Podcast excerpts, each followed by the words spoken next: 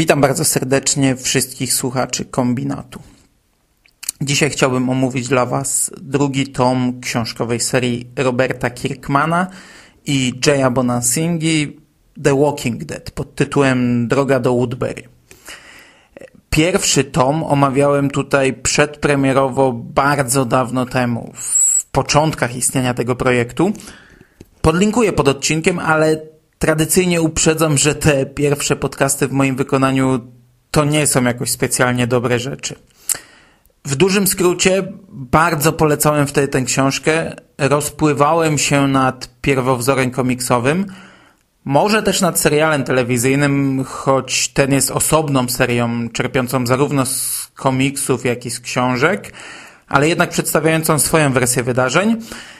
Na kolejne tomy czekałem bardzo mocno, ale jak wreszcie wyszła druga część, to jakoś chyba trochę się przejadłem tematem. Komiksów nie czytałem od ponad roku, utknąłem po 17 tomie, serialu nie oglądałem od zimy, choć aktualnie nadrabiam i jak podcast poleci pewnie będę z wszystkim na bieżąco. Książkę ostatecznie w tym roku przeczytałem dwa razy. A to rzadko się zdarza, bym czytał coś więcej niż raz w tak krótkim czasie. Szczególnie coś, co nie jest Kinga. W styczniu przesłuchałem bardzo dobrego audiobooka, wspomagając się wersją papierową, a teraz w lipcu sięgnąłem już tylko po wersję audio, by przypomnieć sobie wydarzenia przed trzecim tomem. I co też takiego mogę o tej książce powiedzieć?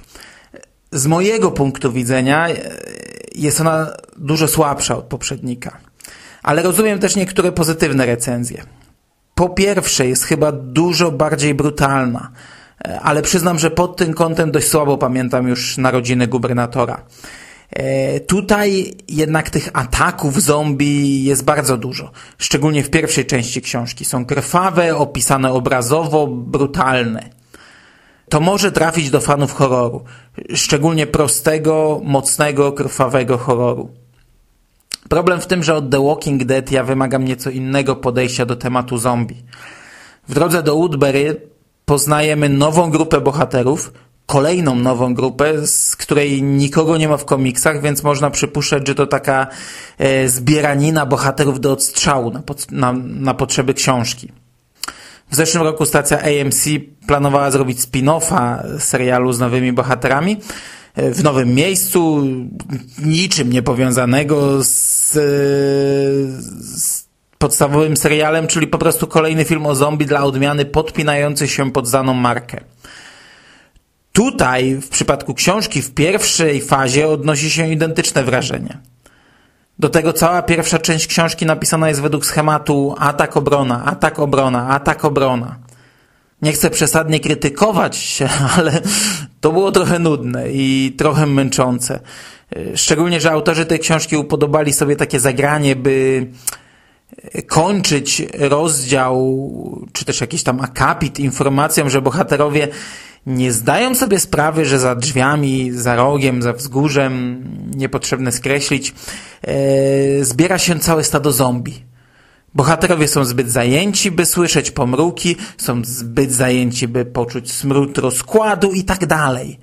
To jest fajne zagranie, takie informowanie czytelnika o nadciągającym niebezpieczeństwie, z którego bohaterowie książki nie zdają sobie sprawy, często kontrastujące z taką chwilową sielanką, ale to jest fajne zagranie, gdy stosuje się je raz. No, góra dwa razy na książkę. A tutaj niemal każdy atak się tak zaczyna, a tych ataków jest mnóstwo. Jak dla mnie ciekawie robi się dopiero w drugiej części książki, gdy nowo poznana grupa dociera do Woodbury i gdy na scenę wkraczają znane postacie. Choć oczywiście dla wspomnianych na początku fanów prostych, krwawych horrorów ta część będzie pewnie najnudniejsza. Jak dla mnie tutaj czuć trochę klimat serii. Przez chwilę zaczynamy bać się ludzi, a nie zombie i to jest dobre. Niestety leżą inne wątki. E, ta książka ma nam pokazywać rozwój postaci Blake'a i, i jego przemianę w gubernatora, i to jest zrobione dobrze, o ile droga do Woodbury jest waszym pierwszym kontaktem z tym tematem. E, jeśli znacie komiksy, a książka jest w moim odczuciu dodatkiem do komiksów i rozbudowuje świat w nich wykreowany, no to będzie to zwyczajnie nudne. Poznajemy genezę przydomka gubernatora, dowiadujemy się w jakich okolicznościach zaczął zapuszczać wąsa, czesać się do góry i inne szalenie istotne sprawy. Tematem głównym jest y, stworzenie areny Woodbury. I twórcy prowadzą ten wątek krok po kroku, rzucając po kawałku strzępy informacji, które każdy zna i każdy wie o co chodzi. Czym będzie arena i czym będzie pierścień śmierci. I tego dość szybko domyślą się nawet osoby, które pierwszy raz mają kontakt z tą serią.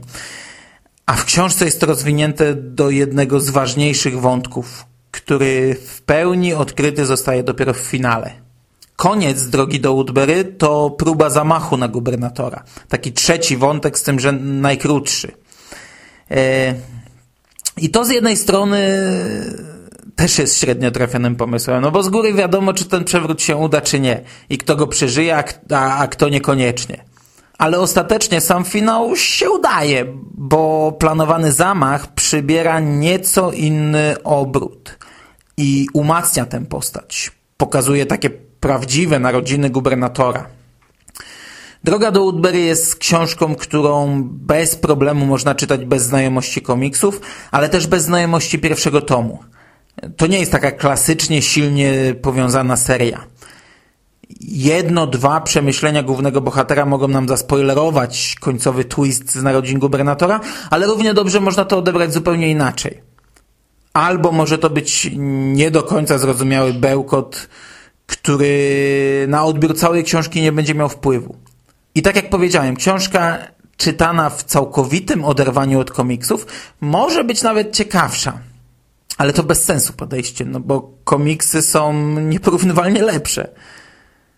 Niestety to, czym najbardziej charakteryzuje się komiksowa seria, tutaj jest słabe.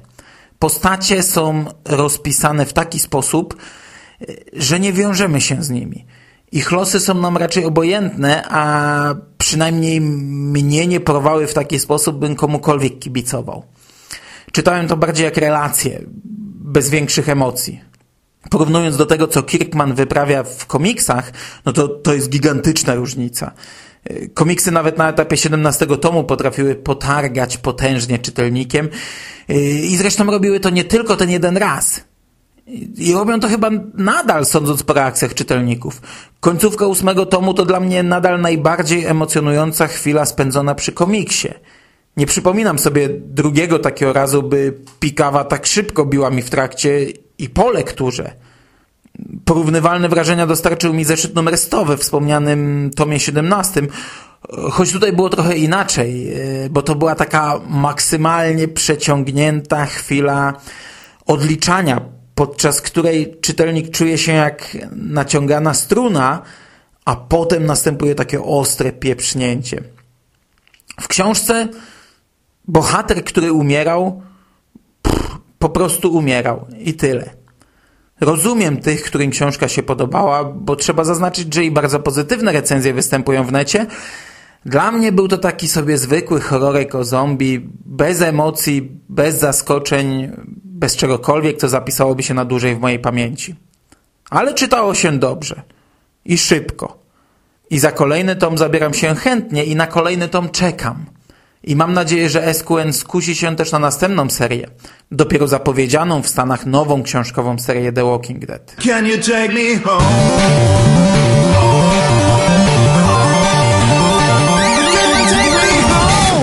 I jeszcze jedno. Akcja książki rozgrywa się zimą. Jest nawet wspomniana Wigilia i Sylwester. Choć sam zimowy klimat jakoś szalenie mocno nie jest odczuwalny, to taka informacja dla tych, którzy podobnie jak ja lubią obcować z opowieścią w konkretnych porach roku i w konkretnych warunkach. Do usłyszenia.